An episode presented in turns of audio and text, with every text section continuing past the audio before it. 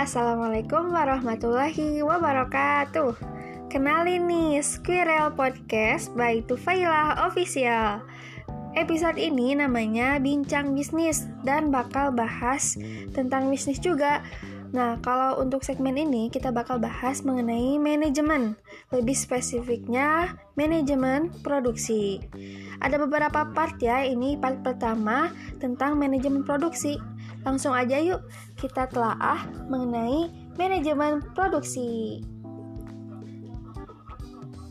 Sebelumnya teman-teman udah pada tahu belum nih apa artinya manajemen? Oke, pasti udah pada tahu kan? Nah, jadi manajemen itu proses mengatur kegiatan oleh seseorang atau kelompok untuk mencapai tujuan secara efektif dan efisien melalui fungsi-fungsi manajemen. Adapun efektif yang dimaksud adalah tercapainya tujuan, sedangkan efisien terdapat penghematan. Kemudian, fungsi-fungsi manajemen menurut George R. Terry meliputi perencanaan, pengorganisasian, pelaksanaan, dan pengawasan atau sering kita sebut dengan POAC, planning, organizing, actuating, and controlling. Nah, langsung aja, apa itu manajemen produksi? Sebelumnya produksi itu kan merupakan kegiatan untuk menghasilkan barang dan jasa. Manajemen produksi di sini yakni dengan mengatur dan mengkoordinir faktor-faktor produksi seperti bahan baku, tenaga kerja, modal, peralatan, beban-beban administrasi, asuransi, dan keamanan mulai dari proses pembuatan hingga pengemasan dan melaksanakan efisiensi tentunya. Kemudian, manajemen produksi ini penting sekali kaitannya dengan fungsi-fungsi manajemen. Dalam hal perencanaan, misalnya, manajemen produksi ini menentukan sistem produksi, lokasi, sarana dan prasarana, jenis, desain, dan jumlah serta bahan baku hingga pengolahannya. Adapun dalam hal pengendalian, manajemen produksi mengendalikan komponennya seperti bahan baku, tenaga kerja, proses yang bertujuan untuk meminimalisir ongkos, namun dapat memproduksi dengan cepat. Sedangkan dalam hal pengawasan, manajemen produksi mengevaluasi apakah proses produksi berjalan dengan baik mungkin ada kendala atau masalah yang diberikan solusi agar tidak terjadi lagi dan sesuai dengan prosedur perencanaan sehingga bisa dicegah dan dapat ditanggulangi apabila terjadi masalah. Nah, segitu penjelasan mengenai manajemen produksi. Cukup singkat, padat, dan jelas, bukan? Semoga bisa dipahami oleh kita semua ya. Nah, Sampai jumpa di part berikutnya. Terima kasih. See you.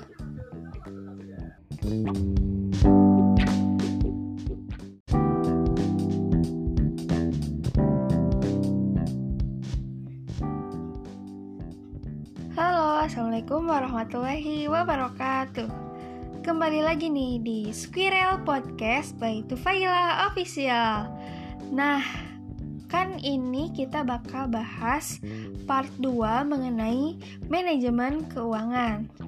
Sebenarnya cukup singkat sih ya materi tentang manajemen keuangan. Teman-teman juga pasti udah terbiasa kan di rumah manajemen keuangannya seperti apa. Nah, langsung aja kita bahas dan sharing bersama.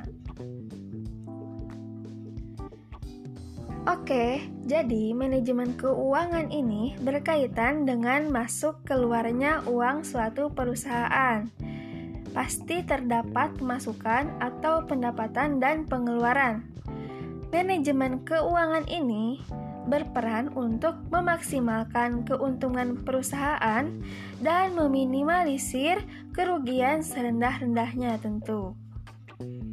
Dan manajemen ini serta pengolahan keuangan yang baik, maka pelaksanaan kegiatan dari awal hingga akhir perusahaan bisa terlaksana dengan baik pula, serta tujuan pun bisa tercapai dengan mudah.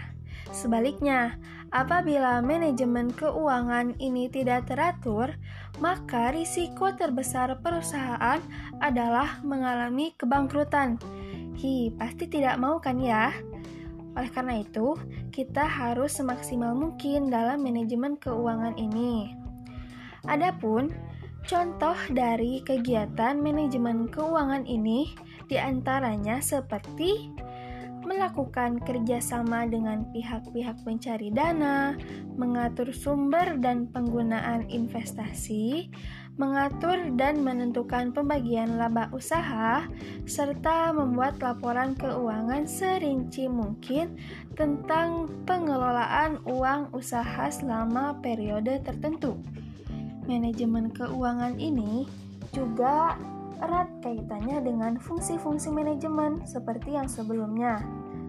Misalnya dalam hal perencanaan, manajemen keuangan ini tentu akan membuat alokasi anggaran, pembelanjaan dan biaya e, untuk e, biaya operasional perusahaan kan ya.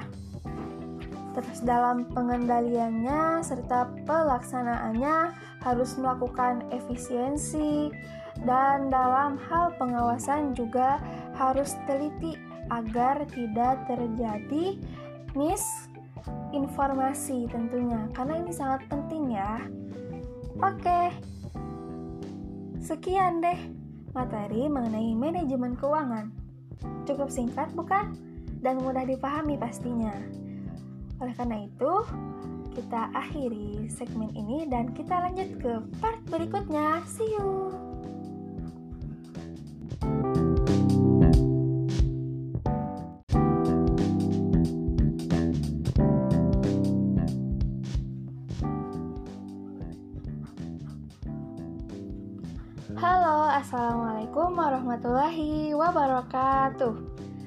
Kembali lagi di Squirrel Podcast by Tufaila Official. Nah, pada segmen ini alias part 3 kita akan membahas mengenai manajemen pemasaran. Nah, udah pada nggak asing kan dengar kata manajemen pemasaran? Karena kita nih khususnya perempuan pasti juga sering ke pasar kan untuk belanja ataupun dalam hal bisnis. Manajemen pemasaran ini sering kita lakukan ya di media sosial contohnya. Oke, langsung saja kita sharing bersama. Manajemen pemasaran ini berperan untuk memperkenalkan produk usaha kita dalam jangkauan pemasaran, juga dalam proses distribusi atau penyaluran barang atau jasa hingga sampai ke tangan konsumen. Tujuan dari manajemen pemasaran ini adalah untuk meningkatkan penjualan dari produk yang dihasilkan Adapun contoh kegiatan manajemen pemasaran ini seperti adanya riset pasar, menganalisis keinginan, kebutuhan, serta selera konsumen. Manajemen pemasaran juga erat kaitannya dengan fungsi-fungsi manajemen yang telah kita sebutkan sebelumnya.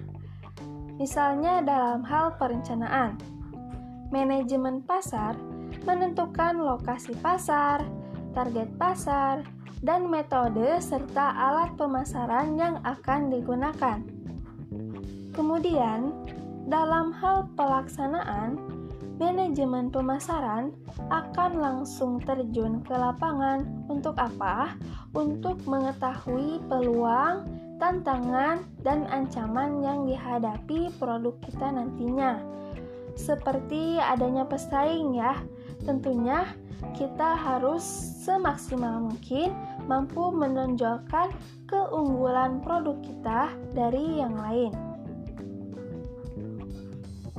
Lalu setelah itu, manajemen pemasaran melakukan promosi produk baik lisan ataupun tulisan untuk mengenalkan produk kepada masyarakat dan membuat masyarakat tertarik terhadap produk kita.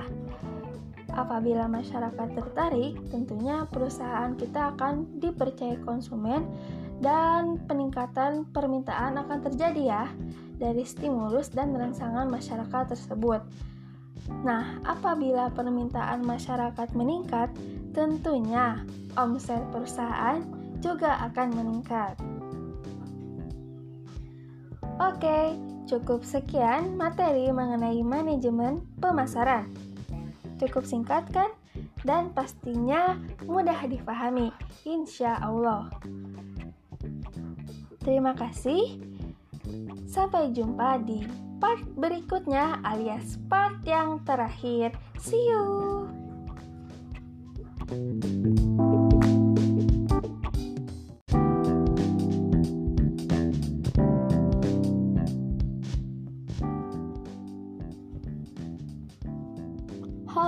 Assalamualaikum warahmatullahi wabarakatuh. Kembali lagi di Squirrel Podcast by Tufailah Official. Pada part keempat alias part terakhir ini nih, kita akan sharing bersama mengenai manajemen SDM atau sumber daya manusia. Nah, sudah banyak diketahui bahwasanya kualitas sumber daya manusia di suatu perusahaan akan mencerminkan kualitas perusahaan tersebut. Oleh karena itu, perlu adanya manajemen sumber daya manusia yang mengatur manusia agar mampu bekerja optimal sesuai visi misi perusahaan dan mencapai tujuan perusahaan. Ketika konsumen melihat kinerja karyawannya dan sumber daya manusia lainnya berkualitas, tentu saja konsumen akan meningkatkan permintaannya.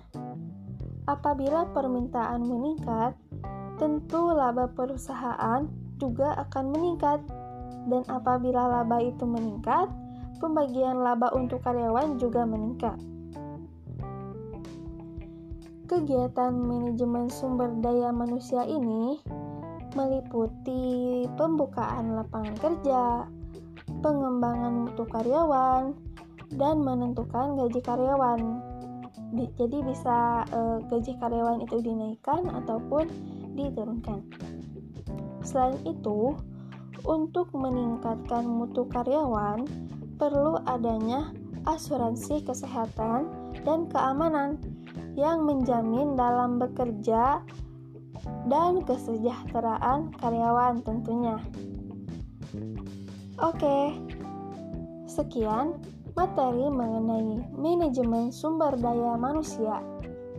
Cukup singkat, padat, dan jelas bukan? Semoga bisa dipahami oleh kita semua ya.